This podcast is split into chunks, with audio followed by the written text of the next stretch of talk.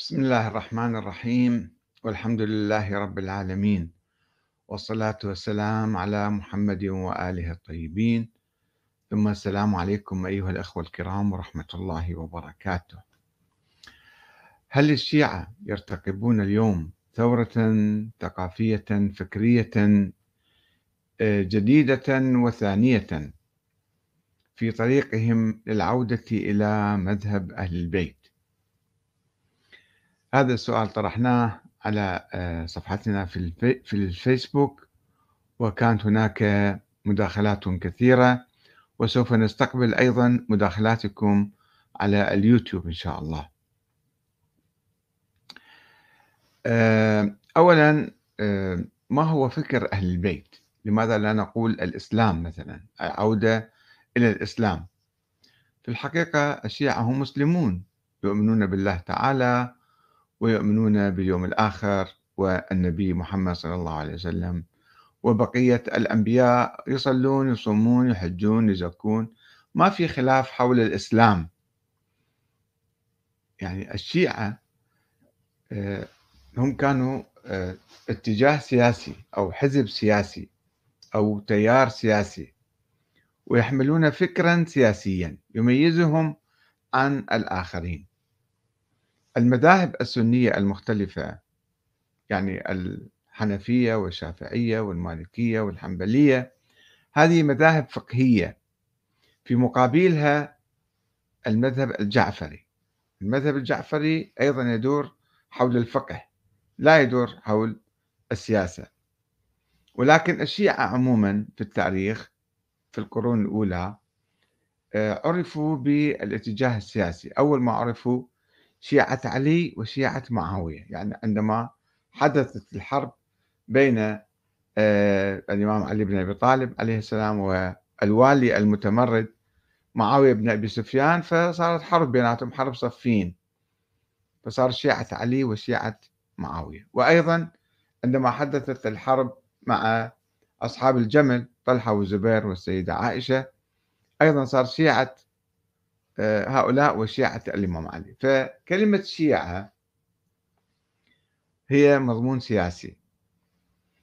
لذلك أنا أقول العودة إلى فكر أهل البيت. فكر أهل البيت ما عندهم شيء جديد أو خارج الإسلام فالشيء إضافي. هو نفس الإسلام ما في خلاف بين المسلمين حول الإسلام. طيب ما هو فكر أهل البيت؟ الأصيل المطمور تحت الركام مثلا. فكر أهل البيت تعرض إلى آه، يعني عبر التاريخ إلى انقلابات ومؤامرات وانحرافات فولدت أكثر من سبعين فرقة شيعية في القرون الثلاثة الأولى وكلهم يدعون الانتماء لأهل البيت. فهل كانوا جميعا؟ فعلا كذلك. ومن جاء بعدهم وادعى أو يدعي الآن يقولون نحن أتباع أهل البيت. فمن هم أهل البيت؟ وما هو فكرهم؟ وماذا يميزهم عن الآخرين؟ حتى نقول أن هؤلاء أتباع أهل البيت شيعة أهل البيت وهؤلاء ليسوا بشيعة أهل البيت. في الحقيقة عندما نراجع التراث الإسلامي نجد هناك آه، يعني فكران رئيسيان هو فكر الشورى أن الحكم في الإسلام يجب أن يكون بالشورى بالانتخاب انتخاب الحاكم ومحاسبته ومراقبته وتغييره وإذا انحرف مثلا الثورة عليه. هذا فكر كان موجود في عهد الصحابة الكرام وفي القرون الأولى. وهناك فكر آخر نشأ بعد الانقلاب على الخلافة الراشدة. ابتدأه الأمويون وحولوا الخلافة إلى وراثة قيصرية وكسروية وإرهابية ويأخذون البيعة بالقوة والإرهاب. فقامت أنظمة على أساس القوة والإرهاب والوراثة ولم تقم على الشورى. الأمويون ثم العباسيون ثم العثمانيون ثم حتى الفاطميون بعد ذلك الدولة الفاطمية التي قامت أيضا باسم أهل البيت ولكنها لم تكن حقيقة تسير على خط أهل البيت.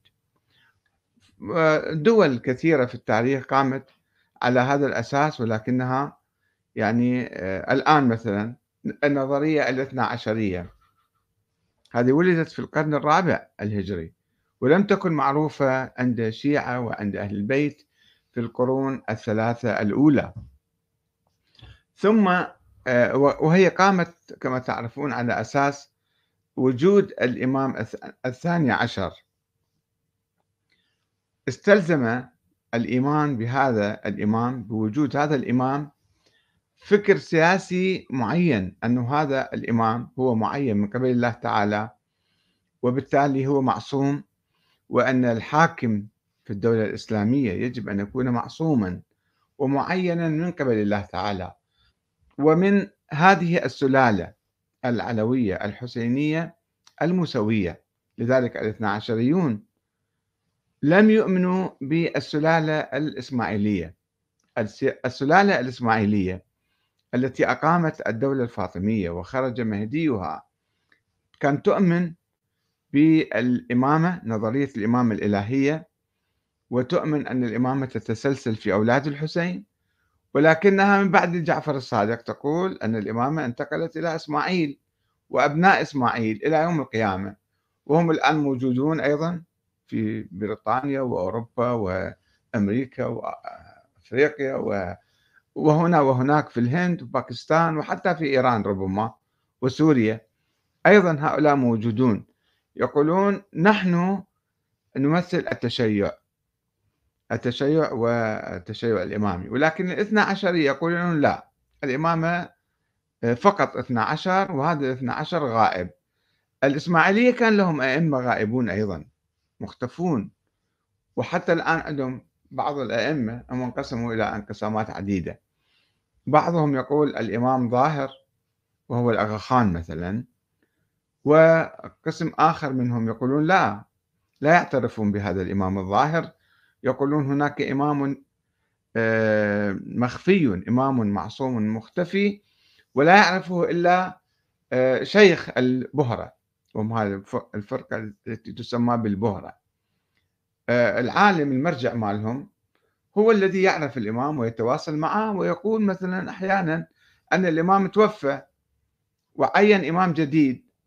وهذا إمام جديد يعين هذا الشيخ أو يعين خليفة له بعد ذلك. وهكذا عندهم شيوخ مثل النواب الخاصين الأربعة. في أئمة ظاهرين مشايخ ظاهرين يعني نواب نواب خاصون ظاهرون وأئمة مختفون واحد بعد واحد. لا يقولون أن إمامهم عمره 1200 سنة أو 1000 كذا سنة. لا يقولون هو عادي يعني يموت ويعين واحد آخر مكانه. هذا نموذج عن الشيعة الإمامية الإسماعيلية. والفرقة الاثنى عشرية تقول لا الإمام الثاني عشر ولد وغاب وهو حي لا, لا يموت إلى أن يظهر. يعني آه هذه فرضية طبعا ما فيها دليل. الأئمة لم يقولوا ذلك. الله في القرآن لم يكتب ذلك. النبي محمد صلى الله عليه وسلم لم يقل ذلك. الإمام الحسن العسكري لم يقل أنا عندي ولد ولم يقل أن ولدي سوف يبقى مدى الحياة. فإذا هذا الكلام هو كلام جديد قد يكون هو انحراف عن أهل البيت لا يمثل فكر أهل البيت الصحيح. وكان في مستلزمات في لوازم القول بوجود الإمام الثاني عشر الغائب المعين من قبل الله المعصوم هو معين لإقامة الدولة الإسلامية. إذا آه، لا يجوز القيام بأي عمل ثوري ولا أي عمل آه، حكومي أو إقامة دولة أو ما شابه هذا كله محرم لا يجوز. بعكس الفاطميين الذين ظهر المهدي تبعهم في أواخر القرن الثالث الهجري سنة 295 وأقام الدولة الفاطمية واستمرت حوالي 250 سنة الاثنى عشرين قالوا لا. طبعا هذا هناك كلام. يقال بأن الذي اختلق هذه الفرقة في القرن الرابع هم الخلفاء العباسيون وفي أيام البويهيين. اختلقوا هذا المذهب حتى يخدروا الشيعة وينوموهم ويعاكسوا آه، آه، النظرية الشيعية الحية اللي كانت ذيك الأيام في القرن الرابع والخامس. أنه لا هؤلاء منحرفون هؤلاء ليسوا علويين أصلا.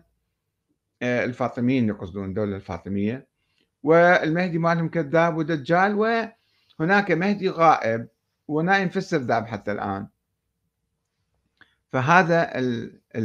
لازمة هذا الفكر لازمة هذا الإيمان الاثنى عشري أنه أنتم روحوا ناموا وانتظروا آه، حتى يخرج هذا المهدي. ولا يجوز لكم القيام بأي شيء حتى صلاة الجمعة علماء سابقون كانوا يحرمونها. ويقولون ما يجوز هذا من أعمال الإمام صلاة الجمعة. فما يجوز إحنا نقيم صلاة الجمعة. وحتى الآن تشوفون المراجع مترددون آه، لأنه يقولون والله يعني صلاة الجمعة واجبة ولا واجبة عينا ولا مستحبة ولا مكروهة ولا كذا. نتيجة للإيمان آه، بوجود الإمام الغائب. هذا الفكر اللي ألف سنة استمر تقريبا. ومنذ حوالي خمسين سنة على الأقل يعني حدثت تطور في هذا الفكر عند الشيعة. حدثت ثورة شيعية. الثورة الشيعية على لوازم نظرية آه، الإمام المهدي. يعني قالوا أنه طيب الإمام المهدي نؤمن أنه موجود ولكن الآن ماذا نفعل؟ هل ننتظر؟ أول من طرح هذا الموضوع الدكتور علي الشريعتي في إيران وقال ان خلي إحنا ليش ننتظر الإمام المهدي انتظارا سلبيا؟ فلننتظره انتظارا ايجابيا. نقوم نأسس الدولة ونعمل حتى يظهر يجد الدولة قائمة وتساعده على القيام والخروج.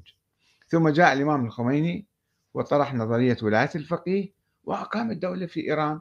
ثم الشيعه بعد ذلك صار عندهم جدل ونقاش حول ولاية الفقيه أن هذه نظرية أكيدة ثابتة صحيحة مو صحيحة مدى صلاحياتها كم فقالوا بالديمقراطية أن نقيم دولة الآن على أساس الانتخابات الديمقراطية.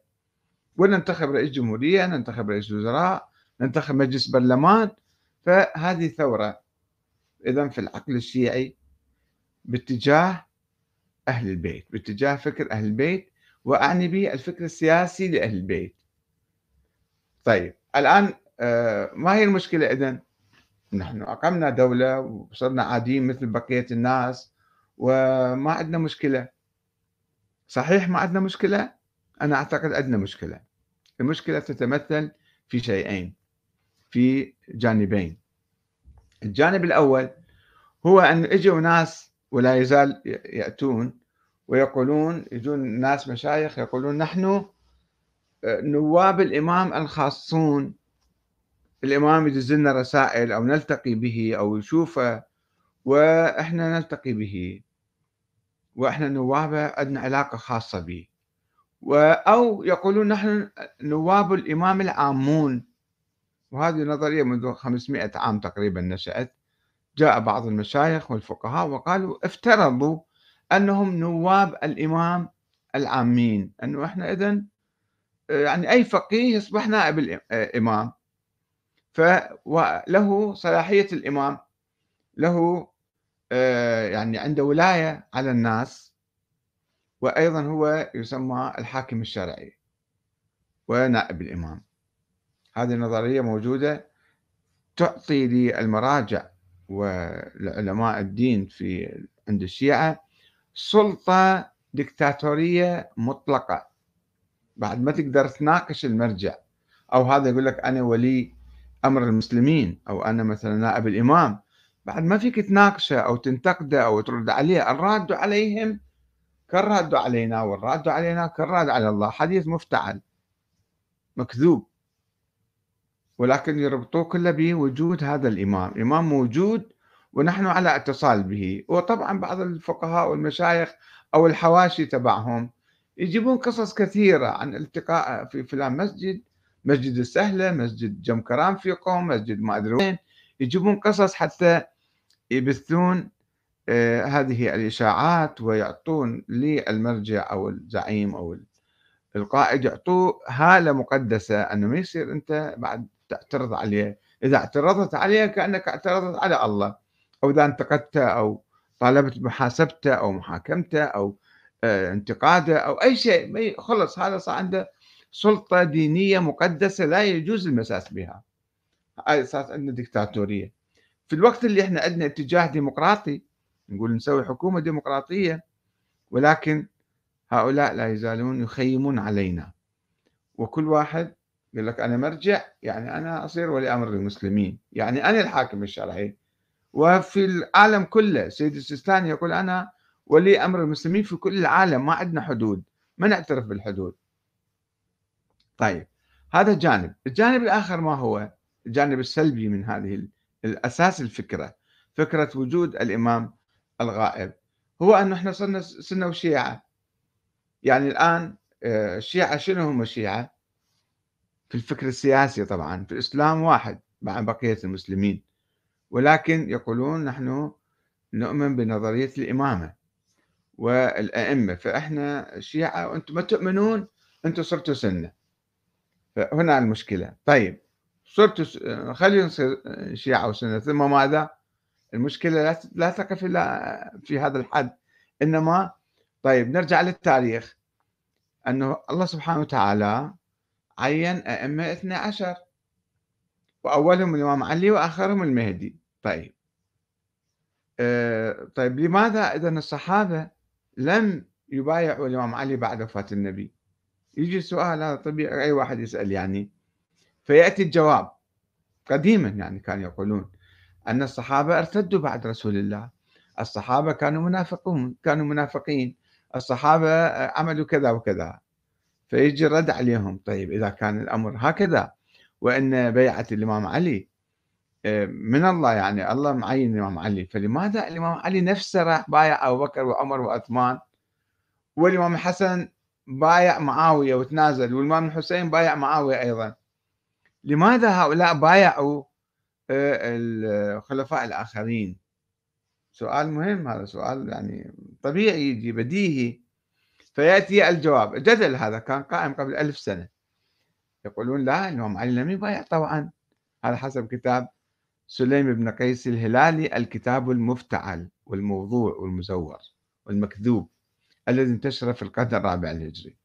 يقول هذا لا الإمام علي لم يبايع طبعا إنما أجبروه وجروه من البيت وهجموا على الدار وحرقوا الدار وكسروا ضلع الزهرة وأسقطوا جنينها وجروه بعمامته ودوه المسجد تعال بايع قال وإذا لا مبايع شو أسوي لي؟ قال له هسه نقتلك بالسيف هذا. شالوا السيف على رأسه وقالوا له تعال آه، بايع. فالإمام بايع مضطرا مكرها. طيب لما يجي نقاش أيضا لما الإمام لما قتل عثمان بعد ذلك واجوا الامام علي قال له تعال أنت صير خليفة. لماذا قال لهم إني لكم وزيرا خير لكم مني اميرا وأنا أسمعكم وأطوعكم. إذا هو كان معين من قبل الله ومنصوب من قبل الله فلماذا قال ذلك؟ طيب الإمام الحسن صار خليفة وبايعوه الناس بعدين راح تفاوض ويا معاوية وسلم الحكم كله إليه. فكيف الإمام الحسن إذا هو خليفة معين من قبل الله كيف يروح يعطي الحكم إلى معاوية؟ ومعاوية قاتل أبوه أربع خمس سنوات. فهنا يعني هاي النظرية فيها نقاش. لو ندرسها شوية ونفكر فيها نشوف نظرية ما تنسجم. ليست نظرية أهل البيت. نظرية النص والتعيين من الله والعصمة والوراثة في سلالة معينة. هذه ليست نظرية أهل البيت. الشورى هي نظرية أهل البيت. الإمام علي كان يؤمن بالشورى؟ ووافق على الشورى. يمكن امتعض في البداية كم كم يوم أو كم شهر. ليش ما استشاروه ليش ما كذا؟ ولكنه بالتالي بايع وأخلص لهؤلاء الخلفاء إخوانه الخلفاء ونصح لهم وساندهم وأيدهم وعينوه. هو آه، عمر عينه نائبا له عندما سافر إلى القدس. وما كان عندهم مشكلة كانوا يؤمنون بنظرية الشورى. وما في بالسلالة يعني انتقال الإمامة بالسلالة بالوراثة يعني شنو هي؟ شلون بالوراثة يعني؟ الله سبحانه وتعالى طيب وصلت هاي النظرية فريق من الشيعة بصورة سرية آمن بوجود نظرية الإمامة. في القرن الثاني نشأت هاي النظرية وواجهت عقبات ومشاكل مشاكل عديدة يعني. مثلا أحيانا كان الإمام توفى الإمام السابق الإمام اللاحق ابنه عمره سبع سنوات ثمان سنوات. فالشيعة كانوا يصطدمون ويتراجعون كيف يكون إمام عمره سبع سنوات؟ وهو بعد لا يصلي لا يصوم لا يقرأ لا يكتب لا. حتى على أموالة كانوا يحطون الإمام السابق يحط وصي عليه ما يقدر يتصرف بأموالة حتى يبلغ سن الرشد مثل ما الإمام الجواد أو خلى أوصياء على الهادي. طيب وصلنا للحسن العسكري؟ قال أنا ما عندي أولاد وأموالة كلها وصى بها إلى آه، إلى والدته. والشيعة تفرقوا ووقعوا بالحيرة وما شافوا ولد. جماعة اجوا افترضوا وجود ولد الإمام الحسن العسكري. أربعة خمسة سرا سرا قالوا هذا موجود وإحنا على اللقاء به وطفل عمره خمس سنوات وأعطانا وكالة انه كيف تعطيكم وكالة طفل صغير؟ طفل صغير عمره خمس سنوات شلون يعينك أنت نائب خاص عنه؟ تأخذ الأموال وتوديها إلى وين هو حتى تودي له اياه؟ هم كانوا ذول الدجالين الأربعة أنا أسميهم كانوا يأخذون الأموال باسم الإمام هذا وينزلوها بجيبهم ويخدعون الشيعة ويضحكون عليهم وينوموهم. لا تقوموا بثوره لا تقوموا بشيء روحوا ناموا حتى يظهر هذا المهدي. فاذا الأثر السلبي الآخر لهذه الفكرة المنحرفة عن خط أهل البيت. الاثنا عشرية ليسوا على خط أهل البيت. الذين يعتقدون بنظرية الإمامة ليست على خط أهل البيت. أهل البيت يؤمنون بالشورى ولا يؤمنون بنظرية النص والأسماء وكذا وكذا. وأيضا الاثنا عشريه الذين تفرعوا عن الإمامية يعني الإمامية الأصليين هم الإسماعيلية بالحقيقة. هذول توارثوا الإمامة حتى اليوم هذول الشيعة الأصليين الشيعة الإماميين. أما الاثنى عشرية فهي انحراف عن انحراف. انحراف مزدوج يعني صار في آه، فرضية وجود الولد. هذه النظرية التي دمرت الشيعة ألف عام وهمشتهم وأخرجتهم من التاريخ وقال لهم روحوا ناموا روحوا ناموا ببيوتكم. إلى وقت قريب إلى خمسين سنة علماء النجف كانوا يقولون لي للسيد مهدي الحكيم كاتبه في مذكراته لما أسسوا حزب الدعوة الشيخ حسين الحلي مدير مكتب الإفتاء عند السيد محسن الحكيم قال لهم أنتم شنو قاعد تسوون؟ حكومة وحزب وكذا. خلوا الإمام مهدي يشوف دربه هو يعرف شو وقت ما يطلع شو وقت ما الظروف مهيئة هو يطلع هو حي موجود يراقب. ومن قبل ذلك صاحب الجواهر أيضا نفس الشيء قال الكلام هذا في القرن التاسع عشر. قال هو كان يؤمن بنظرية آه، ولاية الفقيه بشكل موسع. ولكن أقول لا بس ما توصل للحكم. لأنه لو كان الحكم ممكن يعني في النظرية هو الإمام المهدي يطلع هو يحكم إذا كان ممكن ذلك. فهو في عقله قال أصلا هذا مو ممكن ما يمكن إقامة آه، حكومة إسلامية. لذلك خلينا نقعد آه، بالحوزة وبالمدارس نكتفي بهذا القدر. ما يمكن إحنا نسوي دولة. شوفوا شلون فكر سلبي مثبط لو كان ذيك الأيام يشعر أنه من حقه ومن واجبه يسوي وهذا ممكن يمكن كان سوى ثورة وكان أقام دولة بالقرن التاسع عشر.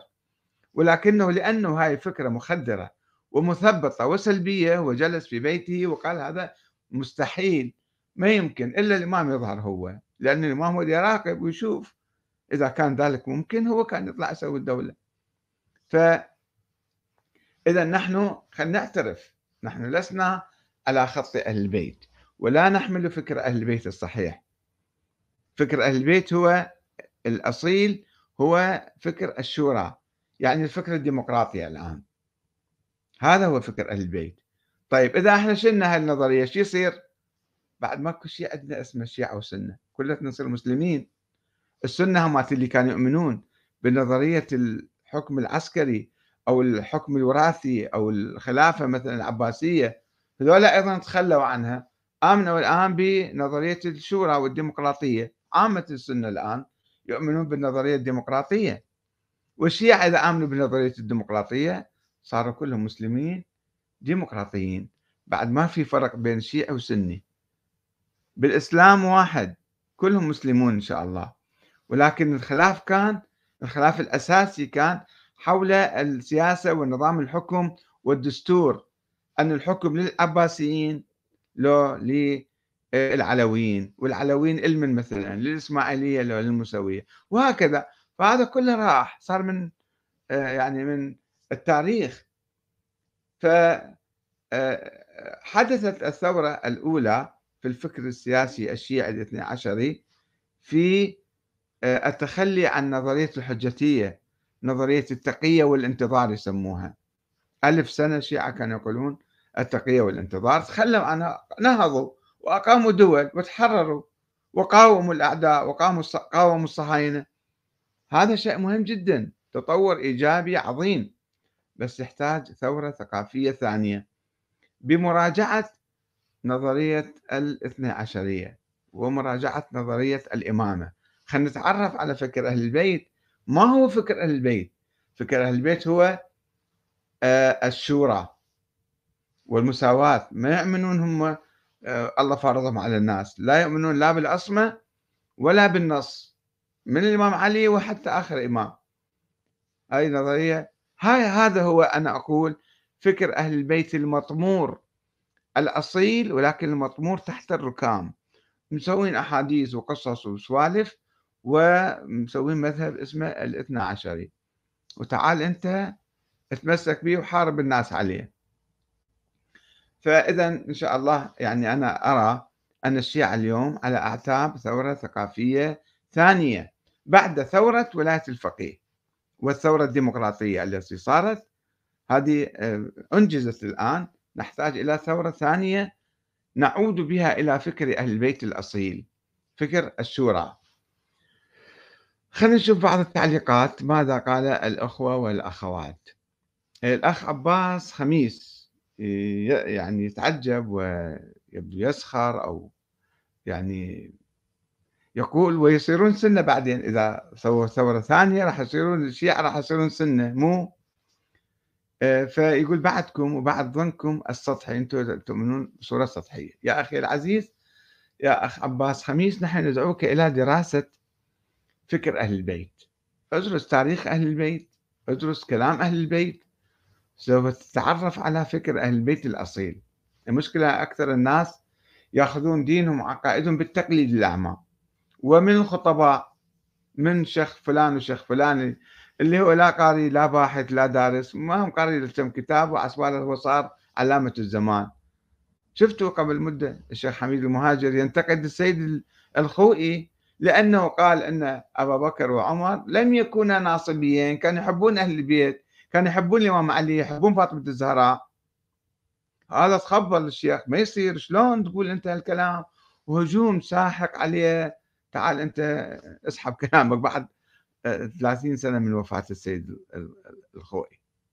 وما يخلون يعني ذول يسوون جو إرهابي الخطباء والرواديز خصوصا. يسوون جو إرهابي ما يخلوك تفكر؟ ما يخلوك تسأل ما يخلوك تناقش. وشفنا السيد محمد حسين فضل الله رحمة الله عليه. عندما أيضا شوية راد يحلحل بعض العقد شنوا عليه حملة شعواء الضال المضل. وسقطوه وحاربوه ومنعوا يعني امتداد فكره إلى سائر الأماكن. والآن مسوين يأخذون فلوس لأنه عايشين المراجع عايشين على فكرة الإمام المهدي الإمام المهدي موجود ولازم الخمس واجب خمس مو واجب بس هم وجبوه خمس واجب لازم تعطيه للإمام المهدي، الامام المهدي ما موجود أنا نائب الإمام أعطيني إياه لي شوف شلون؟ طيب شو تسوي بيه أنت؟ شو تسوي بالفلوس هذه؟ ليش تأخذ؟ عندنا دول الآن قائمة، خلي الدول هي تتكفل آه، يعني مساعدة الفقراء والمساكين والإنفاق حتى على الحوزة لا يأخذون الفلوس ويلعبون بها و ويكرسون هذه الخرافات والأساطير المنحرفة عن أهل البيت حتى يعيشون عليها فإحنا لابد أن نتحرر. لا نقلد احدا في عقائدنا والتقليد في العقائد كل العلماء يقولون حرام وما يجوز. لازم واحد هو يجتهد وينظر ويفكر. وكذلك الفقه بحث ثاني ولكن العقيدة على مسألة نظرية الإمامة أو نظرية أو فرضية وجود هذا الإمام يجب أن نبحث ونقرأ حتى نشوف شنو الموضوع ونتحرر من النظريات اللي اختلقوها الناس آه، المتآمرون على أهل البيت وعلى الشيعة. علي المقصوصي يقول هو اللي ينكر ولادة المهدي عليه السلام هل هو من أتباع أهل البيت ويعترف بهم فأجبته بما يلي قلت له هل الذي يؤمن بوجود إنسان أسطوري لم يولد ولا أي أثر على ولادته وعلى وجوده ويعتبره إماما بمنزلة الإمام علي بن أبي طالب عليه السلام أو الإمام الحسين؟ أصلا هذا إنسان عاقل فضلا عن أن يكون شيعيا. يعني هذا خلوه بعقلكم شوية. شلون الإمام باقي صار 1200 سنة؟ منو قال لكم؟ وين شفتوا عرفتوا ما مات مثلا. فافتراضات فرضيات. فرضية ولادته ووجوده وفرضية إمامته وفرضية استمراره على قيد الحياة. الدكتور محمود أحمد الأطرش يقول المشكلة عند الشيعة في عدم وجود أصول علمية لتصحيح المسار فأساس التصحيح في علم الرواية من خلال علم مصطلح الحديث الذي يقوم بالحكم على الرواية. لا يا أخي العزيز دكتور محمود هذا العلم موجود بالحوزة علم الدراية وعلم الرجال وهذا موجود ولكنه لا يطبق. يعني هم يدرسوه ولكن هو علم الرجال مثلا. أنا أتذكر آه، عندما رد علي السيد كمال الحيدري فرج الله عنه قبل حوالي 20 سنة كتب كتاب فرد على كتابي تطور الفكر السياسي الشيعي والإمام المهدي حقيقة تاريخية أم فرضية فلسفية فكتب كتاب 500 صفحة هو مع تلميذ من تلاميذه نذير الحسني. فقلت له يا سيد أنت رجل عالم مجتهد فأبحث بموضوع أبحث هذه الروايات التي تستند عليها. كلها روايات ضعيفة في علم الرجال. فهو راح بحث الموضوع وقال نعم رجل رجل شجاع يعني حقيقة سيد كمال اجى وقال هذه الروايات على منهج السيد الخوئي السندي لأن السيد الخوئي كان مشهور أنه عالم رجالي على منهج السيد الخوئي السندي فكلها الروايات ضعيفة. ولا تثبت وجود آه، الإمام المهدي. فقيل له طيب أنت كيف تؤمن؟ قال ما خصكم بي أنا عندي طريق خاص ولم يتحدث عن ذلك الطريق. أبو علي يقول نعم فعلا ومن يطلع على التغيرات الثقافية التي تمر على معظم المناطق المسلمة يرى صحوة ثقافية جديدة بدأت في قراءة الماضي وتقترب حديثا من الحاضر لتغيره بعد قراءته قراءة حديثة. تحياتي لكل الجهد المبذول لتنقية الإسلام من القشور وأنا أضيف من الخرافات والأساطير الدخيلة في الإسلام وفي الفكر السياسي السني والشيعي. التي ألبسها الفقهاء له ومسح الغبار الذي راكمته السنون. آه، جاسم إم إي يقول أهل البيت تبعا لنبيهم محمد صلى الله عليه وسلم لم يأتوا بشيء جديد إنما كانوا يسمعون ويعون ويحفظون ويعملون. نعم هذا صحيح. وهم إحنا ما نتحدث في الشيء ولكن نتحدث عن الفكر السياسي. لأن الفكر الخلاف بين المسلمين بالتاريخ كان يدور حول الفكر السياسي وليس عن الإسلام. أهل البيت كانوا يؤمنون بالشورى ولكن الفرق المنحرفة اللي إجت بعدين آه، زورت فكرهم وطمرته وقالوا لا أهل البيت كانوا يؤمنون بنظرية الإمامة والعصمة والوراثة. وهذه مو نظرية أهل البيت فهم ركبوها عليهم المتكلمون. والمنحرفون ركبوا هذه النظريات التي اختلقوها والغلاة الذين غالوا بأهل البيت فرفعوهم عن درجة البشرية وقالوا هؤلاء هم آه، نواب الله مو بس نواب كذا فقلت له يا آه، أخ جاسم المشكلة ليست في أئمة أهل البيت فهم كانوا علماء أبرارا مجاهدين وزهادا وعبادا لا يقولون إلا ما قال رسول الله صلى الله عليه وآله وسلم. ولكن المشكلة في الغلاة الذين كانوا يكذبون عليهم في حياتهم ويؤولون أقوالهم ويقلبونها باسم التقية. كل إمام يحكي كلام معين يقول لا لا الإمام يقصد هذا يقصد شيء ثاني ضده. يعني كلام عجيب مؤامرة على أهل البيت. ثم نسبوا إليهم إماما لم يولد ولم يعرفه أحد منهم. آه الأخ جاسم يقول يرد علي يقول كان كلامكم محكم التسديد عذب الموارد جم الفوائد. آه ملاحظة أهل السنة متهمين بالصلاة وكذا. المفتورة هذا موضوع ثاني صار. آه حيدر حسين عداء يقول زين إذا مطمور تحت الركام ما تطلع منه شوية. إحنا طلعنا دائما وبحثنا وحققنا وقلنا أن نظرية أهل البيت هي الشورى. وليست العصمة والناس والوراثة في سلالة معينة. مهند عباس النفاخ يقول ما الفائدة من إنكار الإمام المهدي؟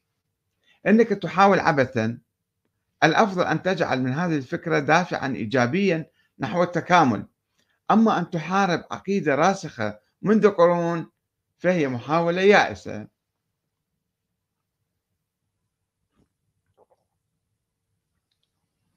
بالحقيقة يعني كثير من الأخوة أيضا يقولون هذا الكلام وليس فقط الأخ مهند.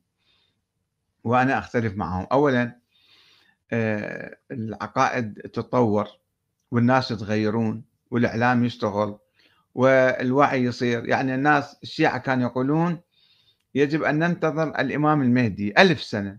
ألف سنة صار يقولون التقية والانتظار. حتى الشيخ الصدوق هذا بالقرن الرابع كان الهجري قال اللي يقول بنظرية ولاية الفقيه لقد خرج عن دين الإمامية. هذا تعبيره خرج عن دين الإمامية. ما يصير؟ إذا أنت إذا تؤمن بالإمام موجود فيجب أن تسلم وتنتظره. لا يجوز لك أن تقوم بأي حركة. ولكن اجى الإمام الخميني وقال لا نحن نقوم بلكي الإمام المهدي بعد آلاف السنين ما خرج. شو نسوي؟ إحنا نظل جالسين هكذا.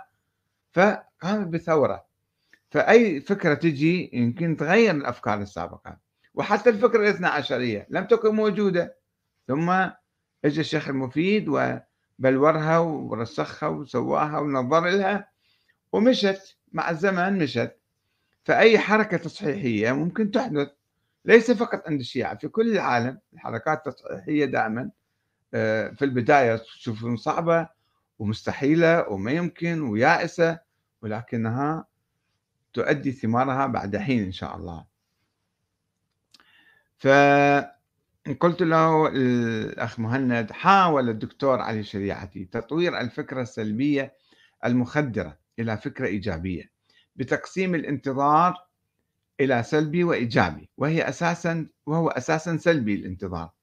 وقال بضرورة التمهيد للإمام المهدي وعدم الاكتفاء بانتظاره سلبيا كما كانت تفعل الحجتية حركة واسعة في إيران هذه قبل الثورة.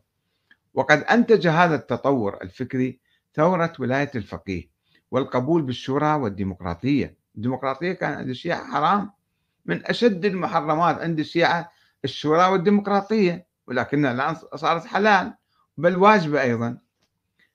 ولكنه على الشريعة لم يحل مشكلة الانقسام الطائفي بين سنة وشيعة. وذلك لأن الإيمان أو البقاء على الإيمان بوجود الإمام الثاني عشر محمد بن حسن العسكري يعزز الإيمان بنظرية الإمامة الإلهية ووجود النص على الإمام علي. هذا 12 واحد الله وصى بهم. وهو ما يؤدي إلى موقف سلبي من الخلفاء الراشدين الذين بين قوسين اغتصبوا الخلافة من علي. وهو ما خلق ويخلق التوتر المزمن بين السنة والشيعة. بالرغم من وصول نظرية الإمامة إلى طريق مسدود بوفاة العسكري دون خلف وانقراضها منذ أكثر من ألف عام بس إحنا متمسكين بها بوهم بوهم وجود الثاني عشر. ومن هنا فإن من الضروري لتوحيد المسلمين وتحريرهم من رجال الدين أيضا مراجعة نظرية الإمامة. هاي النظرية المثالية الخيالية ولا سيما أسطورة وجود الثاني عشر الغائب.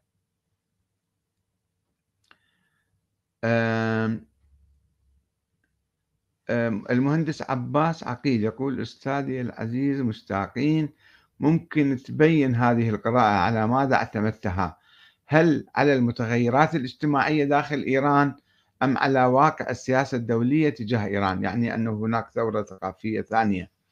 في الحقيقة ملاحظ يعني هناك علماء في إيران مثل العلامة البرقعي مثلا هو قبل خمسين سنة كان يقول هذا الإمام المهدي ما موجود وهذه النظرية مو صحيحة ولكنه كان مطمورا ومعتقلا بعدين زمن الشاه وما بعد الشاه اعتقل ومحاولات اغتيال له وعنده تيار موجود. آه، وأيضا الحركة الثقافية بالشيعة يشوفون الناس يفكرون يعيدون النظر. الناس اللي مو متعصبين الناس اللي يبحثون عن الحق يبحثون الآن ويحققون. فقلت له للأخ المهندس عباس الثورة الثقافية الثانية تعتمد على مراجعة نظرية الإمامة المثالية الخيالية وأسطورة وجود الإمام الغائب وهي تؤدي إلى الوحدة الحقيقية مع بقية المسلمين. وإزالة العقد التاريخية تجاه الصحابة. والتحرر من هيمنة المراجع الذين يدعون النيابة العامة عن ذلك الإمام غير الموجود. علي المزنة أبو يوسف يقول اللهم وحد صفوف المسلمين. أه الأخ عبد الرحمن السليمان يقول لا أظن أن تحديثات هذه السنة يوجد فيها ما تدعي ما إحنا ما قلنا بهالسنة هذه. أه أنا قرأت التحديثات وإليك بعضها. أه تحديث عشرين قبر جديد. هذا ما يجري في العراق يعني يقصد. رفع نسبة النذور في المراقد. اختراع مئة رواية جديدة لرفع نسبة الخمس وتوسيعها لتشمل النساء والأولاد. يعني اللي عنده أربع نساء يعطي له وكلاء المرجع واحد. وكذلك آه، يعني التخلص من كمال الحيدري وإخفاء الحقيقة والتبرير بالمرض وغيره للأسف لا يوجد تحديث. لا هذه أشياء سلبية موجودة في المجتمع ولكن في الحقيقة هناك أيضا حركة ثقافية تقدمية في الفكر الشيعي آه، تحاول التخلص من الرواسب التاريخية والعودة إلى آه، فكر أهل البيت فكر الشورى والعدل والثورة على الظالمين. الأخ رياض ناصر الشمري يقول ولاية الفقيه ليست ثورة ثقافية وإنما مشروع سياسي. يا أخي العزيز لو أنت يعني أنا أحترم وجهة نظرك أو عندك ملاحظات على ولاية الفقيه وأنا عندي ملاحظات عليها أيضا ولكن أنت انظر إليها في سياق في السياق التاريخي الشيعي. بين جماعة كان يقولون الحجتية مثلا الذين يؤمنون بنظرية الانتظار السلبي المطلق وعدم القيام بأي شيء حتى يخرج المهدي. وبين واحد يقول لك تعال إحنا نسوي دولة. هسه سوى الدولة يمكن كل دولة من لا يعمل لا يخطئ. ومن يعمل يمكن يصيبه يصير عنده أخطاء. وإنما تتطور ويطور هذا النظام. الآن إحنا بالعراق أقمنا نظاما ديمقراطيا بعدين شفنا فيه مشاكل. مو يعني أنه الديمقراطية مو زينة. أو التجربة هاي مو زينة نهائيا. لا إحنا حصلنا فوائد إيجابية كثيرة ونحاول أن نطور هذه التجربة نحو الأفضل. أه أبو حازم الترنجي يقول الفكر الشيعي يتجه نحو الإفلاس التاريخي في مسار الأزمة البنيوية الشاملة المستعصية التي يعيشها. فلا تكابر أيها السيد المحترم. لا بالعكس أخي العزيز أبو حازم إحنا ما نكابر. ما نقول لك الآن صار كل شيء عند الشيعة 100% زين. الآن إحنا في مرحلة انتقالية. إحنا خطينا خطوة آه، في طريق التحرر من نظرية الإمامة. الآن الشيعة لا يشترطون في الإمام أن يكون يعني رئيس الجمهورية أو رئيس الوزراء سواء في إيران أو بالعراق أو في أي مكان. لا يشترطون أن يكون الرئيس معصوما ولا معينا من قبل الله ولا من السلالة العلوية الحسينية الموسوية أي واحد يمكن يرشح يصير رئيس جمهورية أو يصير رئيس وزراء. فإذا هناك تطور إيجابي كبير. ما في عندهم أزمة بنيوية شاملة مستعصية. لا ما مو هالشكل في مخلفات ل يعني بعد ما إحنا عمليا قمنا بثورة على نظرية الإمامة وتحررنا من عندها. بس باقي في فكر بعض الناس أنه والله الأئمة الاثنى عشر الله عينهم.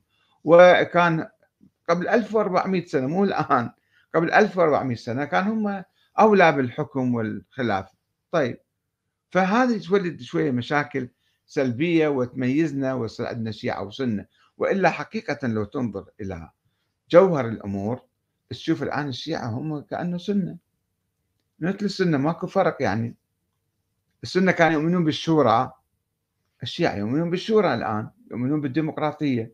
عمليا وواقعيا لا يوجد خلاف إنما في بعض الناس عندهم تصورات وأفكار وبعض المشايخ والمراجع ذولا يحاولون يبثون هذا الفكر القديم حتى يشبثون بمصالحهم وامتيازاتهم وسلطتهم وسيطرتهم على الناس. هنا المشكلة فقط.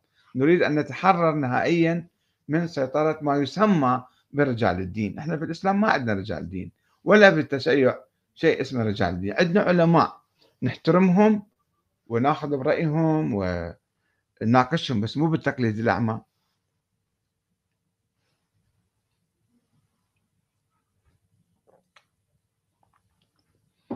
الأخ سيف الزبيدي يقول أرجو الإجابة.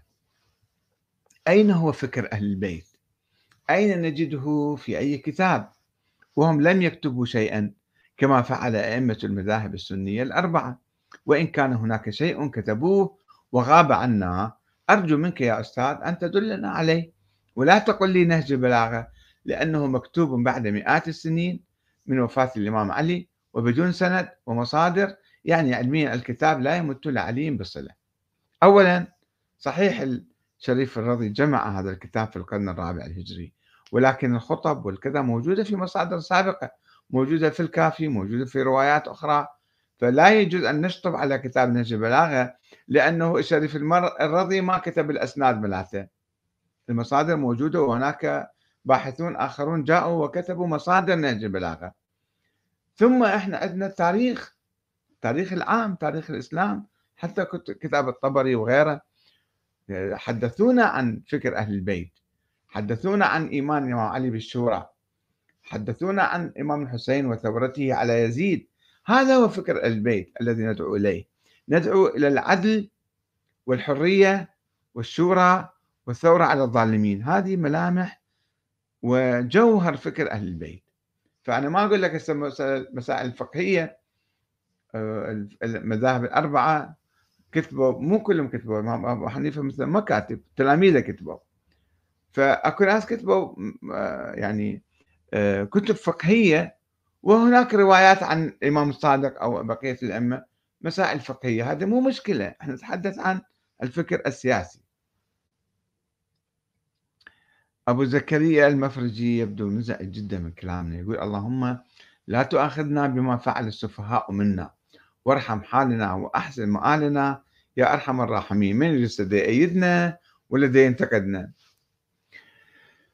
طارق العبودي يقول الفكر الشيعي يعيش صراعا بين أقطابه من أجل المصالح والنفوذ والمكاسب بعيدا عن إظهار أصالة الفكر.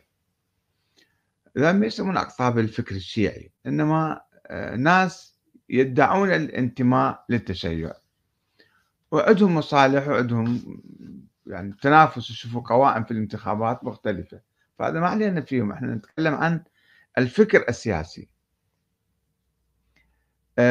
حجي جلال قهواتي وهو من كربلاء يقول عليك أن تنتهي من فكرة إلغاء الإمام المهدي المنتظر عجل الله تعالى فرجه. أولا حتى تثق بك الجماهير الشيعية وإلا لا أحد يسمع إليك وتكون منبوذا في المجتمع فعليك تغيير فكرتك في الإمام المهدي المنتظر. فقلت له يا أخ حج جلال عزيزنا لا يمكنني ولا يمكن أي أحد أن يلغي الإمام المهدي المنتظر لأنه لا وجود له في الواقع. أنت تلغي في الشيء اللي موجود. أما في الشيء ما موجود كيف تلغي؟ وأنا لا أريد أن أرشح نفسي للانتخابات لكي أبحث عن ناس يسمعون لي أو يصفقون لي وإنما أريد أن أوقظ النائمين في كهف الغيبة حتى يقوموا ويبنوا بلدهم بأيديهم. ولا ينتظروا شخصا من السماء يقوم بالنيابة عنهم بذلك.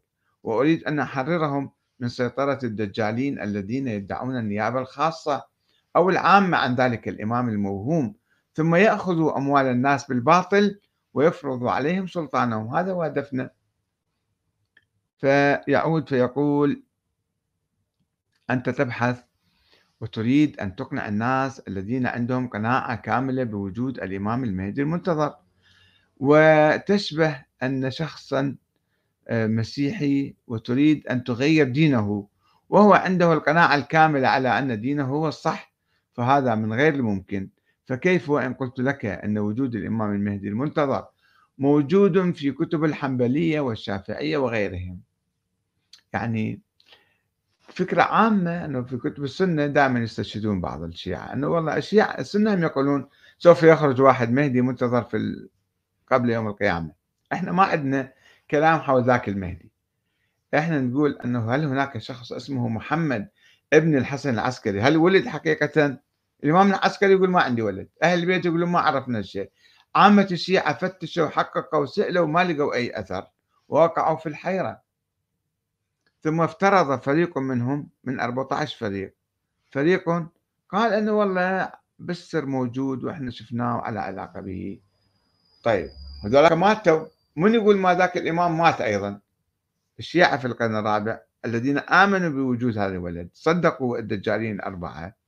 بعد فترة قالوا خبصة مات يمكن هذا. شو مدري إحنا ما شفنا حتى نقول باقي على قيد الحياة. واصلا بعضهم أعاد النظر في النظرية قال كلها كذب ومضحكة علينا ذولا. تجدون هذا الكلام في كتاب الغيبة لمحمد بن أبي زينب النعماني. هذا توفى سنة 340 يتحدث عن هؤلاء الشيعة الذين يستهزئون ويسخرون من هذه الفكرة عادوا. يقول كانوا يؤمنون بس بطلوا بعد سبعين سنة. ما ظهر هذا الإمام. قالوا شنو هاللعبة هاي؟ شنو هالمسخرة؟ شنو هالكذب؟ إحنا بطلنا كلامكم أنتم ناس ضعفاء العقول. وإجا الشيخ الصدوق محمد بن علي بن بابوي أيضا نفس الشيء نقل القصة. قال الناس الآن مشككين ويسألون و ما عادوا يصدقون بهاي الفكرة. فلذلك كتبوا كتب حتى يخلوا الناس يصدقون. النعماني كتب الغيبة الصدوق كتب إكمال الدين الشيخ الطوسي اجى بعد وراه 100 سنة كتب كتاب الغيبة الشيخ المفيد اجى قام يكتب رسائل وكتب حول المهدي حتى يثبتون هاي الفكرة ويخدروا الناس ويقنعوهم وخدرونا ألف سنة بعدين.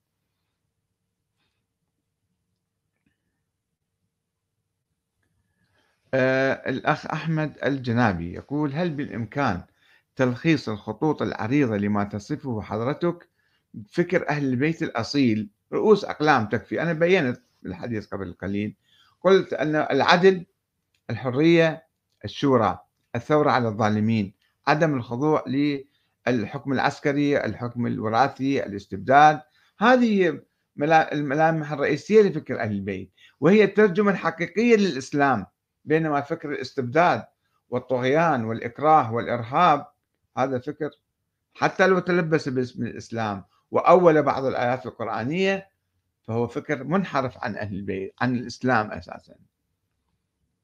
فخري الكردي يقول فكر أهل البيت الصحيح من مثله عبر التاريخ وما هي صورته ومن هم علماءه ومفكروه ولك الشكر. قلت الإمام علي الإمام الحسين أبرز من يمثل هذا الفكر. والإمام الحسن أيضا بتنازله وتواضعه وحرصه على الوحدة الإسلامية. فهذا هو فكر البيت اللي إحنا لازم نقتدي بهم وهم ترجموا الإسلام الصحيح. هذا لذلك نحن آه، نؤكد على ذلك. علي الشويلي يقول الأحرى بك يا أستاذ أن تقول نعيد الإسلام إلى التنزيل الحكيم. ونعترف بأن كتاب الله كامل خالي من النقص حتى تكمله السنة أو تكون قاضية عليه. إحنا ما عندنا نقاش حول القرآن ولا نقاش حول الإسلام. بين المسلمين ما عندنا مشكلة. لا يوجد يعني أزمة في الموضوع هذا. الإسلام واحد وموجود لدى جميع المسلمين. الكلام حول الفكر السياسي. الآن هناك حكومات عسكرية في العالم العربي. اليوم في انقلاب بالسودان. واحد عنده جيش ويريد يفرض نفسه على الشعب هذا. الشعب ثائر. اليوم الشعب السوداني الحر خرج يطالب بحريته ويرفض آه، الحكم العسكري. وعندنا حكومات ملكية مطلقة أيضا خانقة الناس ومسيطرة عليها وناهبة ثرواتها ومجوعتها. وعندنا يمكن أنظمة ديمقراطية مسرحية مزيفة أيضا. فإحنا نريد الشعوب تتحرر الأمة تتحرر حتى تأخذ آه، يعني مصيرها بنفسها. الأخ ثائر سباعي أو سباعي ما أعرف بالإنجليزي مكتوب يقول لن يصلوا إلى هذه العتبة يعني الثورة الثقافية الثانية يقصد يجاوب على سؤالنا. لوجود تجهيل ممنهج ومقصود والدلائل كثيرة. نعم التجهيل موجود ولكن إن شاء الله التوعية أيضا موجودة. الشيخ آه، فاضل يقول نعم التجديد والحداثة.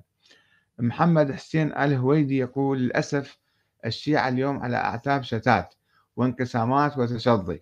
تصنيف الشيعي الحقيقي أن يسلم رقبته لشخص أمي لم يرى النور وعليه من يخرج من هذه المنظومة ليس شيعيا في نظرهم يعني ولن يقبله الشيعة كشيعي. ومن هنا نقول إن حال الشيعة من سيء إلى أسوأ ومن خرج من هذه المنظومة التي فرضها كهان المعابد لم يعد شيعيا بالمعنى المتعارف عليه. الشيعة نفر لا يعيشون الزمن ويبدو أنهم ولدوا في الزمن الخطأ ولن تقوم لهم قائمة لأن قرار الأمة بيد جهلة متطرفين. في الحقيقة هذه نظرة سلبية إن شاء الله الواقع يكذبها وتشوف الحركة الثورية عند الشيعة الحركة الوحدوية الديمقراطية التي تعود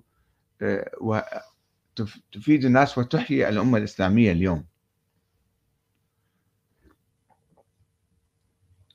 يعني بعض الأخوة سلبيين شوية زايد.